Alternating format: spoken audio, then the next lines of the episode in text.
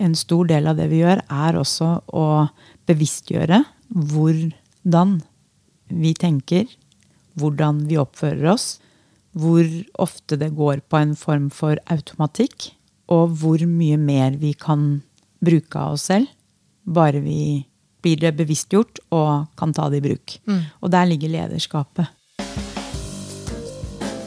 Flux ønsker å vise veier til en mer bevisst og meningsfull fremtid gjennom bokutgivelser og dialogarbeid. En måte å dykke dypere inn i dialog med oss på, er gjennom vårt program Ideologisk lederskap, som gjennomføres over en periode på mellom seks og åtte måneder. Men hva er egentlig dette programmet? Hva kan det brukes til, og hvem passer det for? Mitt navn er Jeanette Andreas Søderstrøm, og i denne serien vil du høre tidligere deltakere i Dialogisk lederskapsprogram dele fra sine erfaringer. Med utgangspunkt i deres ulike bakgrunn og livssituasjon snakker vi om hvorfor de ville gå programmet, hva som overrasket dem, og hvordan de bruker det de lærte i dag. Med meg i studio i dag har jeg Trine Line Bjong. Og Trine Line, du er jo eh, den som til daglig jobber i Flux, som du pleier å si. Du er daglig leder av Flux forlag. Og eh, det har du vært lenge, og du har i den forbindelse mye erfaring med å jobbe med dialog. Kan du først begynne med å si noe om hvordan det var den gangen du ble introdusert? Mm, skal vi se, Da skal vi langt tilbake i tid. fordi jeg startet jo i Flux i slutten av 20-årene. Nå er jeg snart i midten av 50-årene. Og um, gjorde det fordi jeg var eneforsørger for uh, et barn. Og uh, Flux var veldig sånn sjenerøse på at du kan jobbe på odde tider, og det viktigste er at du får gjort de tingene som skal gjøres. og sånn, Så det passet meg veldig bra. Pluss at det var ganske kreativt arbeid. Og en av de tingene de var opptatt av, var dialog. Og det var vel ikke så lenge før David Bohm hadde vært i Norge i en uke og besøkt Flux, som den gang var et tidsskrift. Og hadde hatt flere dialoger Hmm. Så jeg kom liksom inn i miljøet som den gangen var en Blindern-student. Og så var det en annen som hadde eh, funnet ut at han ville vie livet sitt til filosofi og vitenskap. Pluss noen gode skribenter, da. Så mm. satt vi nede på et kontor i Christian Augusts gate. Mm. Og jeg ble nok nysgjerrig særlig fordi det var så fri form for kommunikasjon. Og jeg synes at det kan ofte bli veldig utfordrende mm. for oss mennesker. Når kommunikasjonen blir for fri. Vi har, eh, vi har ofte et ønske om en struktur. Så um, begynte vel allerede da å tenke på en eller annen form for struktur som kunne være så fri. Mm. Så det ble heller en god introduksjon til hvordan vi kan snakke sammen. da. Mm. Eh, I en form som kan overraske oss, hver og en som er med da i i en dialog da, som er en form for samtale. Mm. Mm, vi hadde dialogkafeer, og så hadde vi også forskjellige konferanser. Um, hvor dialog var måten vi samtalte på. Det var jo sitte i ring istedenfor å sitte i skoleklassestil. Og det var ikke én som foredro, men kanskje en kort innledning. Og så var alle med på å utforske mm. temaet å gi sine bidrag til temaet. Som ofte var mye mer spennende, syntes jeg, enn at du hørte bare på en som var ekspert. da. Mm. Mm. Så um, det handler jo også mye om uh, å alltid vite at det er mye vi ikke vet. Mm. Dette med dialog. Og være nysgjerrig på, og ikke prøve å forsvare at vi ikke vet det, men heller være åpen for at vi ikke vet, og at det er egentlig et veldig ålreit utgangspunkt. Ja. At vi vet at vi tror, som du noen ganger sier, ja. heller enn at vi tror vi vet. Ja. Ikke sant? Mm. Og det er ofte at vi går i den fella at vi, vi mener at den sannheten vi sitter på, er liksom den viktige, nødvendige, det beste ja. å følge. Ja. Så det er kanskje en form for avlæring uh, for mange. Mm. At uh, vi uh, Eller ja, at det er viktig å, å faktisk uh, leve det. At uh, vi, vi, kan ikke vite det hele, egentlig. Mm. Og det er det også Baum var opptatt av. Var, fordi så lenge vi tror at det vi vet er det riktige, så blir det egentlig bare et fragment av en mye større virkelighet. Men vi aksepterer liksom ikke at det er et fragment. Vi aksepterer det, eller vi, vi ser på det mer som sånn er det. Mm.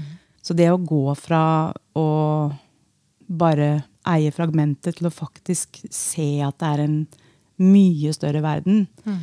uh, å være nysgjerrig på det, det gjør jo også noe med holdningen vår. Mm.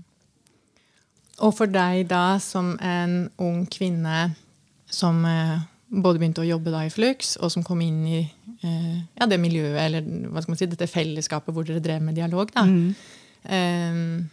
En, hvordan endra det deg? Eller påvirka det deg? altså, dialog var jo en del av det. ikke sant? Mm. Vi jobbet jo også mye med uh, masse spennende mennesker som alle hadde en godhet for nysgjerrighet, syns jeg. Mm. Ja, Det er en god måte å beskrive det på. Det var et fint miljø, og det var uh, interessant på den måten at det var så mye spennende uh, mennesker å bli kjent med, og ikke minst lese. Mm. Um, ja, hvordan endret det meg? Jeg, altså, jeg har ofte tenkt på altså, at jeg sitter jo fremdeles i Flux den dag i dag. ikke sant? Hva sier det om meg at jeg fremdeles er på samme arbeidssted? Det er hele tiden eh, en forandring. Altså Flux er i forandring. Og det kommer inn mennesker, nye mennesker, og andre mennesker er eh, innom og, og fortsetter videre. Så det som egentlig nesten bare består, er jo eh, etter hvert meg. eh, og så Samtidig så er det mange som blir over en lengre periode, selvfølgelig. Ja, ja. Eh, men, men, utviklingen og det at det liksom hele tiden forandrer seg, det er interessant. Mm. Og det å kunne eh, jobbe da med dialog som også er ganske flytende, mm. er også veldig veldig ålreit. Og samtidig så er det jo en stor utfordring ofte, fordi folk eh, stiller jo klare spørsmål i forhold til Uh, liksom, hva er målgruppen, f.eks.? Uh, uh, hvilke mål og hvilke visjoner er det dere har fremover, og hvilke delmål osv. Som også er viktig. og Ofte så kan det være litt vanskelig. Det var enda vanskeligere før. Mm. For uh, det var veldig sånn åpent og fritt miljø. Nå er vi nok litt tydeligere på hvilken vei det er vi vil videre. Ja. Um, så vi har jo rukket å ha tidsskriftet i ganske mange år, og så ble det nedlagt. Da hadde vi startet forlag. Mm. Uh, og så har vi drevet forlaget, og det gjør vi fremdeles. Og så startet vi opp ordentlig med kurs i dialog i Altså, jeg sier ordentlig, fordi da ble det lengre kurs mm. i 2009. Ja. ja. Hvordan kom det til? Hvordan tenkte dere at det var et behov for det? Mm. Vi hadde som sagt hatt veldig sånne frie dialoger. Um, så det var nok igjen et sånt ønske om at det var litt mer eh, struktur. Vi var ute etter å finne en form. Jeg hadde akkurat tatt et uh, lederskapskurs som hadde gått over ganske lang tid, og som var interessant på den måten uh, at det var veldig erfaringsbasert. Altså at vi ble introdusert til eh, noe vi, mm. eh, vi, måtte tenke over. Og så var det også mye øvelser rundt det, den tematikken. Mm. Og det syns jeg var um, Det var liksom som å komme hjem igjen. fordi før jeg jobbet med Flux, så jobbet jeg jo som skuespiller og instruktør. Og der er det jo, i, deres, i den verden så er det jo uh, Det ligger veldig lett for uh, skuespillere og ja, kunstnere generelt å improvisere, måtte jobbe med seg selv for å finne ut av følelser. Finne ut av hvordan man skal jobbe med forskjellige personer, eller bruke mm. stemmen sin, eller bevegelse med kropp. Som egentlig alle kan ha godt av. Ja. og bli utfordret på, mm. eller jobbe mer med. Så det lederskapsprogrammet jeg da tok, uh, vekket liksom noe av det i meg igjen. Alt det jeg hadde av erfaring fra tidlig, tidlig ikke mm. sant? Uh, i livet. Og så begynte jeg å koble at det kunne være spennende å legge på dialog som, som samtaleform handler om å bygge på det som skjer. Mm. ikke sant? Veldig mye for meg, da. Mm. At du skal bygge på det som skjer, istedenfor å gå imot eller si eller vise en annen retning. Du skal heller møte det som skjer, mm. og se hva som, hva som, kan jobbes med derifra. Eh, så da eh, satte mm, min mann og jeg eh, oss ned og begynte faktisk å designe, eller liksom finne ut av hvordan kunne vi lage et introduksjonskurs til dialog. Ja. Og så holdt vi det jevnt og trutt i et års tid. Og da hadde det kommet såpass mange mennesker til som ønsket seg noe mer, og da satte vi oss ned og laget det som i dag heter lederskapsprogram. Dialogisk lederskapsprogram, som da går mye mer i dybden da, av, um, av den formen som, som, som vi jobber ut ifra. ja. I dag, ja. Mm, I dag. Mm. Mm. Ja, og en ting jeg er litt sånn nysgjerrig på, og som kanskje andre også biter seg merke i, så er det jo at eh, når man er en som er med å holde uh, dialogene, da, uh, så kalles man gjerne fasilitator. Og, og da jeg tok um, kurset, altså dialogisk lederskapsprogram, så het det jo noe annet. Eh, kan du bare kort si tanken bak, fordi det het fasilitatorkurs den gangen. Og det vet jo jeg av egen erfaring at jeg alltid måtte forklare folk. Ja, hva er egentlig det? ikke sant? Ordet fasilitator er jo ikke noe enhver går rundt og bruker. Eh, men selvfølgelig så er man jo fortsatt fasilitator når man er med å lede dialogen. Men nå har jo da kurset en litt annen tittel. Så kan du bare si noe om det skiftet? Mm. Fordi det ligger liksom nettopp i det spørsmålet du også sier at du er fasilitator når du leder en gruppe. ikke sant? Så der har du begge ordene. Så å fasilitere betyr uh, å gjøre det enkelt og gjøre det lett for. Ja. Så når uh, Vi jobber jo alltid i gruppe. Vi jobber jo sjelden én og én til én, men vi jobber i gruppesammenheng. Det er liksom det vi syns er spennende. Eh, så er det det å faktisk gjøre det enkelt for gruppen at det som burde skje, skjer. Ja. Ja. Uh, og for å kunne gjøre det, så er du nødt til å være ganske bevisst. Signaler, uh, ting som kanskje andre opplever skjer, men som de hopper fort videre fra. Sånne ting er det viktig at du som fasilitator nevner, tar opp. Og da tenker jeg at dette med lederskap er Altså, vi har jo skrevet det på sidene våre. Det er eh, at du bidrar til økt forståelse og god samhandling med alt eh, du er, gjør og kan for å skape et miljø som kan, eh, altså som kan fungere for alle. Og der er det at lederskap kommer inn. At eh, en stor del av det vi gjør, er også å bevisstgjøre hvordan vi tenker, hvordan vi oppfører oss. Hvor ofte det går på en form for automatikk. Og hvor mye mer vi kan bruke av oss selv, bare vi blir klar over det. Blir det bevisstgjort og kan ta det i bruk. Og der ligger lederskapet. Mm. Og Ja. hvilken påvirkning man har på andre. Ikke minst. Ja. Ja. Og hvor lite vi er klar over den påvirkningen ofte. Ja. Ikke sant? Ja. Ja. Så, så det er en form for bevisstgjøring hele det programmet Mm. går ut på. Ja. Og det legger jeg i eget lederskap. Ja. Ja. Så vi fasiliterer ofte grupper, men for å gjøre det, så er det veldig nyttig å være mer klar over uh, sin egen måte å være i verden på. Og um, da dere, da, du og mannen din, som du sa, utvikla dette kurset og, og hadde noen runder med det, og, og det etter hvert fikk den formen som det har mer i dag, da. ehm, hva var liksom hovedgrunnen til at dere ville lage det kurset? Var det det at eh, det var et stort behov der ute? Var det mange som på en måte meldte, dere, meldte sin interesse til dere og ville gå kurs? Var det det at dere fikk eh, mange forespørsler om å levere ut mer dialog, arbeid forskjellige steder? Hva er liksom bakgrunnen der for at eh, dere så at det trengs et sånt kurs?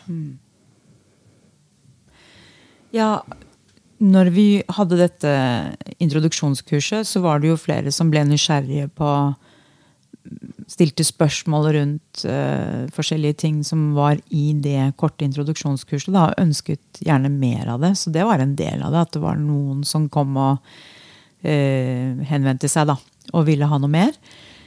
Men jeg tror nok kanskje at uh, svaret er at vi var såpass eh, gira begge to på å virkelig dykke ned og inn i den verden og faktisk prøve å forstå noe mer om hva ville egentlig si, det vi snakker så fint om. Ja. Så det var nok eh, litt den ildsjel-feelingen altså, som lå der. Og vi hadde jo ikke bare et par runder, vi hadde så mye runder at eh, For vi var ganske eh, om ikke uenig, så så vi det veldig forskjellig. Ja, ja. eh, Hvordan eh, kurset skulle altså, utvikles, og hva som var liksom veldig viktig å ha med. Ja. Eh, Så bare det var jo veldig nyttig. Når jeg ser tilbake på det nå, så var det ganske slitsomt. Men, men det gjorde jo at det vi lagde, var eh, godt gjennomarbeidet og snakket om, altså. Mm, og erfart. Ja. Så behov for Jeg tror at det er et kjempebehov for veldig mange folk å bli bevisst hva, hva, hva du holder på med. altså virkelig. Det er en form for uh, å bli vekket liksom fra uh, å kanskje bruke uh, så og så mange prosent av seg selv, og så vet du at det er en mye større prosent du kunne ha brukt. Innen kommunikasjon, og kommunikasjon er jo ikke bare alltid ord heller, da. Men det er det. Alt er vel kommunikasjon. eh, ja. Altså, tenker jeg at vi kommuniserer jo hele tiden. Ja. Ja. Og det har jo alltid også vært Flux sin Vi har jo jobbet mye innenfor psykologifeltet og hatt mye samtaler om kommunikasjon ikke sant? på veldig mange forskjellige måter. Og vi har hatt Arne Næss, som var Han kommuniserte jo også med ja, altså maurene og ikke sant, alle de forskjellige vesenene han hadde rundt Tvergastein, hans hytte oppe i, ikke sant, eh, i fjellet. og så jeg har liksom blitt opplært til å liksom på en måte se at folk står og klemmer trær og altså alle disse rare greiene Ja, ja. som jeg bare syns var helt uh, altså, hinsides egentlig, og veldig, veldig rart, bare.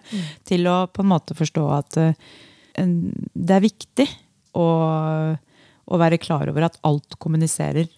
Ja. Ja. Og ikke forstå alt som skjer av kommunikasjon, men faktisk eh, bli mer åpen for at eh, vi påvirker alt og alle rundt oss. Og det, og det gjør også alle de andre som, Ja. som er der. Ja. Mm. Og ikke minst, det gjør vi jo også veldig ofte gjennom å være tenkende vesener. Fordi vi har jo veldig ofte, eller jeg kan jo snakke for meg selv, liksom, hvordan det her har hatt en effekt på meg. Og det der med at eh, vi går jo rundt ubevisst og tenker og gransker og funderer over veldig mye av det som skjer rundt oss, og det andre spiller ut. Eh, og det vil jo noen mene at det er jo helt uunngåelig. Eh, men så er, jo, er det jo også litt interessant å tenke rundt da ja, men hva er det de tankene består av? ikke sant? Og hvor dømmende er de? Hvor nysgjerrige er vi egentlig? Og til f.eks. det du sier, da, det om at, eh, at man skal kunne forstå at Eller at man skal kunne akseptere at man ikke må forstå alt. Men man kan likevel synes det er interessant, og ikke minst også ønske det velkomment at folk både ser verden på ulike måter, tenker ulikt, og forteller om følelser som kan være veldig sprikende også. Så jeg tenker jo at det liksom en sånn grunnlinje her er jo at øh, Du vil jo ikke si det selv, kanskje, så jeg sier det for deg. En eller annen visjon om at det her er bra for verden. Hvis flere får kjennskap til øh, dialogisk metode, da. Ja, sikkert. Det, øh, du sa noe fint øh, nå, men jeg husker ikke helt hva det var. Vent da. Akseptere at ikke vi kan forstå. Ja, det var nettopp altså, eh, nettopp dette her med Når du sier dette her med å akseptere at vi ikke kan forstå alt, og allikevel så, så er vi her. Ja. Ja. Og hvordan er vi her da? Mm. Ja, Det er faktisk veldig interessant å utforske litt. Ja. Fordi vi er så opptatt av å forstå og sette alt liksom i en, i en form for sånn mønster som, som, som vi forstår, da. Og det Jeg opplever at vi egentlig lurer oss selv litt ved å gjøre det sånn, og så blir livet mye kjedeligere enn hva det egentlig behøvde å være. Ja. Og det du refererer til at, øh, at vi hadde en visjon med at dialog kunne Ja, det var jo bare jeg da som prøvde å være litt sånn Ja, men hva var det du sa? Breial for dine vegne. Nei, at eh, Det må vel ha vært en eller annen visjon også, et eller annet eh, eh, Kanskje et syn da på at eh, En tanke om at det er bra hvis flere får øynene opp for dialog. da. Ja. Eller for metodene vi jobber med i dialog. Ja, ja det, er bra, det er bra å bli mer bevisst dialog. Og dialog kan ikke sant? Vi gjør det på vår måte, og jeg vet det er flere, mange andre som gjør det på sine måter. Og det, det er intet nytt under solen, tenker jeg, men det er bare hvordan vi eh, nærmer oss en form for sammenheng Ja. mellom det som skjer i meg, og det som skjer rundt meg. Og det som skjer også mm, på et nivå som er eh, kanskje høyere enn det, altså i en by, i et land, i verden. Eh, og det å tenke ut ifra at alt henger sammen på en eller annen måte, det er et stort steg fra å fragmentere. Som, som vi er vant til. Fragmentere at eh, der sitter du, og her sitter jeg. Det er et vi mot et dem. Ja. Det er ett land mot et annet land. Det er en politikk som ikke går med en annen politikk. Sånn holder vi på. ikke Ja, ja. sant? Ja. Og det, eh, det går ikke så bra. Så jeg tenker at eh, dialog, det å skape mening sammen, det å være på jakt etter meningen istedenfor å være på jakt etter det som gjør at vi er forskjellige, det tror jeg vi har veldig mye å, å hente på og leve mer etter. Og det blir et mye mindre kjedelig liv. Det blir kanskje ikke så eh, klart og tydelig alltid, men, men desto mer spennende. Ja, jeg er jo veldig enig i det. Men så er jeg også inhabil. Eh, eh, Men eh, så det er jo også sånn at når man utvikler et kurs, som også folk gjerne må betale da, for å delta på, så må man jo på en måte man må jo formidle noe om hva kursdeltakere kan få ut av det.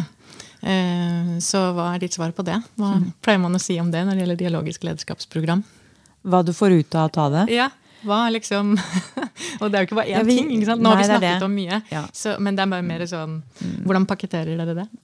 altså det handler om å, ta, altså å se på sitt eget lederskap og på en måte bruke det du har. Eh, bedre, kanskje. Bli mer bevisst hvem du er, hva du gjør, og hvordan du gjør det. Og faktisk bruke det, istedenfor å ønske at du var en annen. Se til naboen.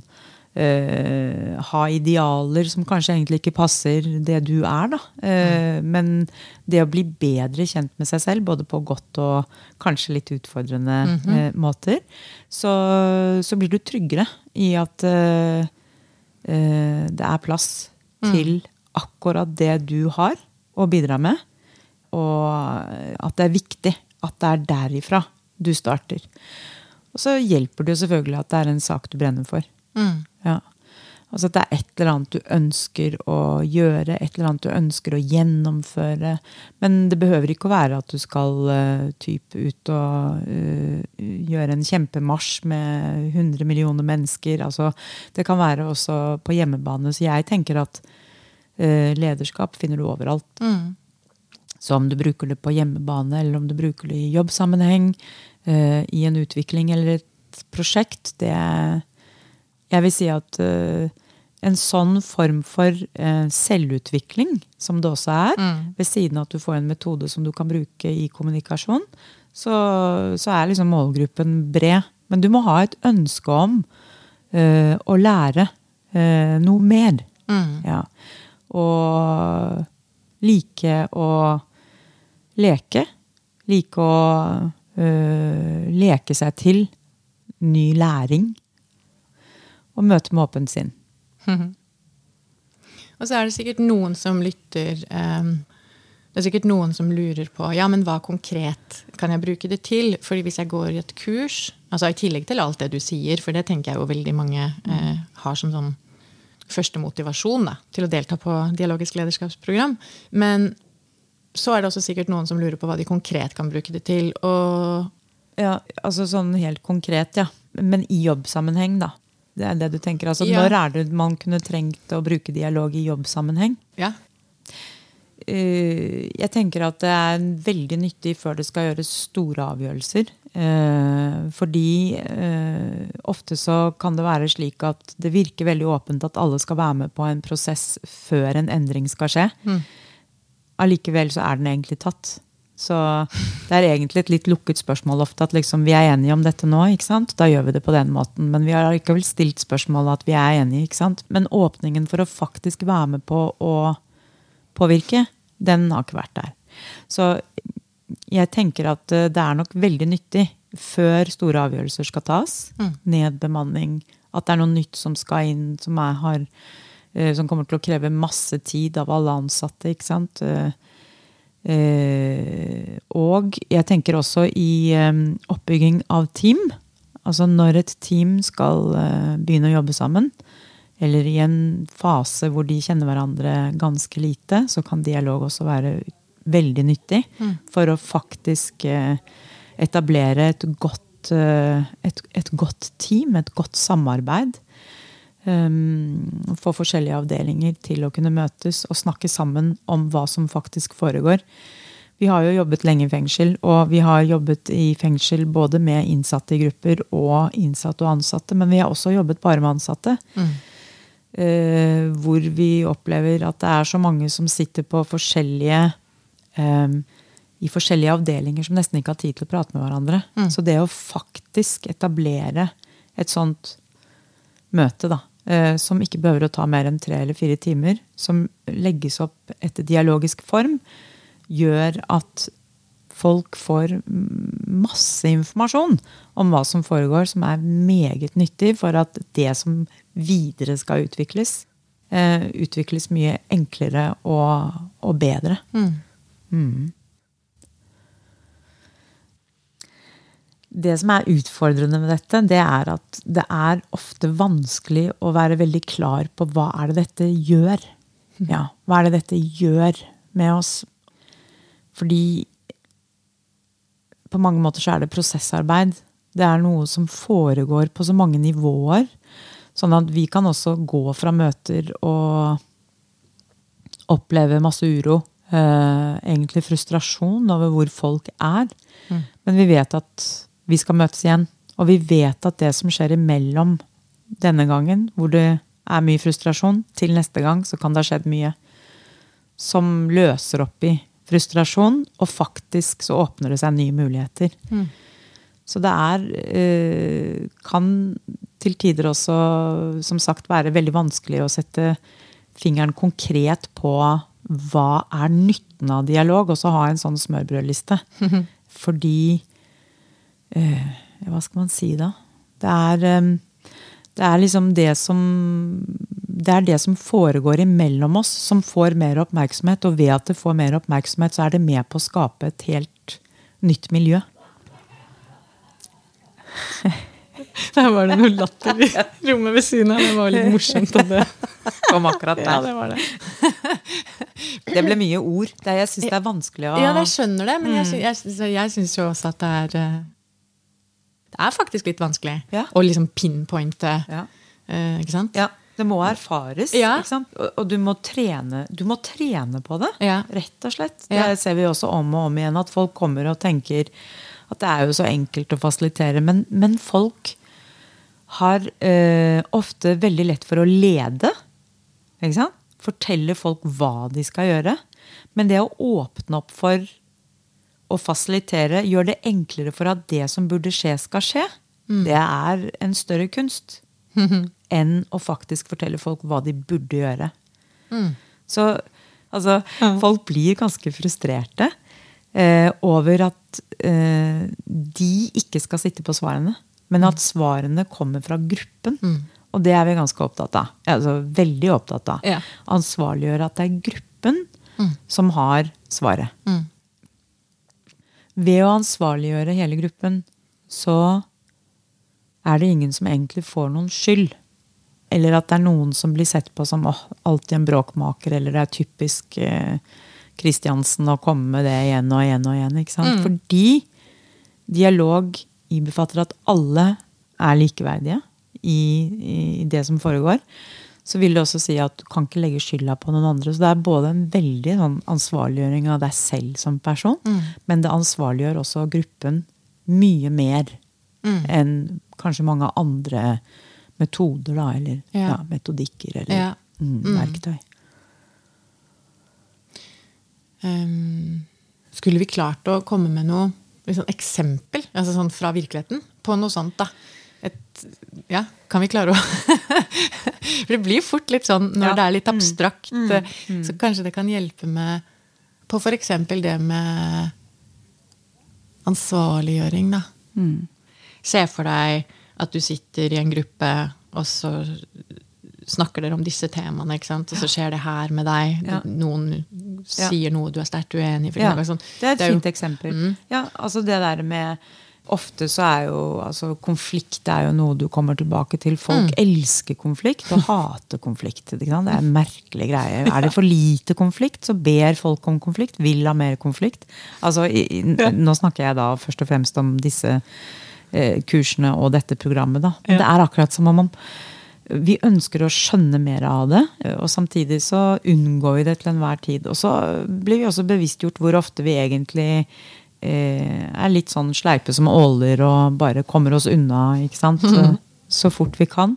Men når du sitter i en gruppe, og det oppstår f.eks. da ikke sant, en form for hva skal man si, at det blir en hotspot. da, At det blir liksom, du merker at hele rommet blir litt mindre, og det er liksom litt farlig i rommet fordi et eller annet utspiller seg kanskje mellom to deltakere. Ja. Eh, en form for ordveksling, et eller annet de er sterkt uenig i. Så er jo metoden i seg selv såpass um, uh, inkluderende, slik at den tar deg bort fra personen Ja. og går mer på tema. Ikke sant? Bare med Du skal ikke henvende deg direkte til ikke sant? et menneske hvis det etter hvert blir uh, sterke følelser.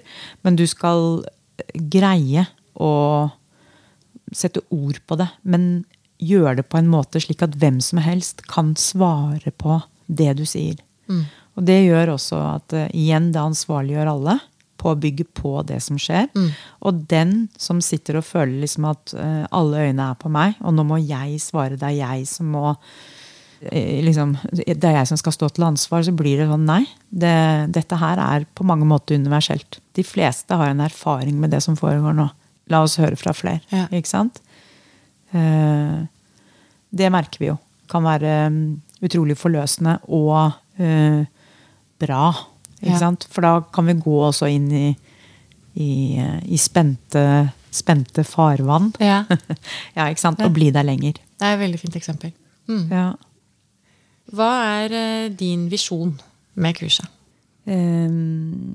Få mer dialog ut. Det vil si å få flere i stand til å fasilitere, samtidig som at de eh, finner et prosjekt hvor de skal bruke dialog som metode, blant annet, eller bare, eh, som de setter i gang mens de holder på, og tar programmet, eller i etterkant. Altså for meg, så, som vi snakket om før, jeg tror det å bygge på ting som skjer, gjør at vi ser og oppfører oss på en annen måte.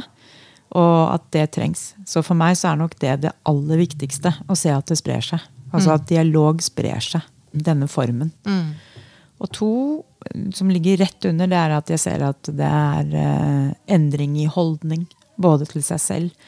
Altså, og når du endrer holdning til deg selv, så endrer du også holdning til det som skjer rundt deg. Og jeg vil si til det bedre. For de fleste. Ja. Og at det, når man mangedobler det, så skjer det også noe med samfunnet rundt oss. da. Ja, ikke Gjerne. sant? Det er det. Vi møter andre og Ja, Mm. starte med seg selv, og så kanskje en til, eller en liten gruppe, og så, så vil det spre seg. Ja. Jeg har liksom ingen sånn stor eh, jeg, Det er ingen visjon om å redde verden, men det er til sammen så er det så mange eh, små, gode eh, tiltak, ikke sant, som, som Det er viktig, altså. Ja. At vi fortsetter å jobbe med å nå ut til flere. Mm. Mm. Nei, men du, veldig fint, eh, Trine Line Biong. Tusen takk. Så tusen takk. Tusen takk. Tusen takk. Tusen takk. Tusen takk. Flux betyr bevegelse, og vi ønsker å bevege tanken og inspirere til nye tenkemåter. Du har nettopp hørt en episode av en liten serie som handler om Flux sitt dialogiske lederskapsprogram i podkasten Innimellom. Vil du vite mer om programmet, modulene det inkluderer og hvordan og når det gjennomføres, finner du informasjon på vår hjemmeside flux.no. Der kan du også lese mer inngående om hva dialog etter Flux-metoden handler om, og hvem dialogisk lederskapsprogram kan passe for. Programleder for episoden har vært meg, Jeanette Andreas Søderstrøm, og musikken du har hørt, er laget av Olve Flakne.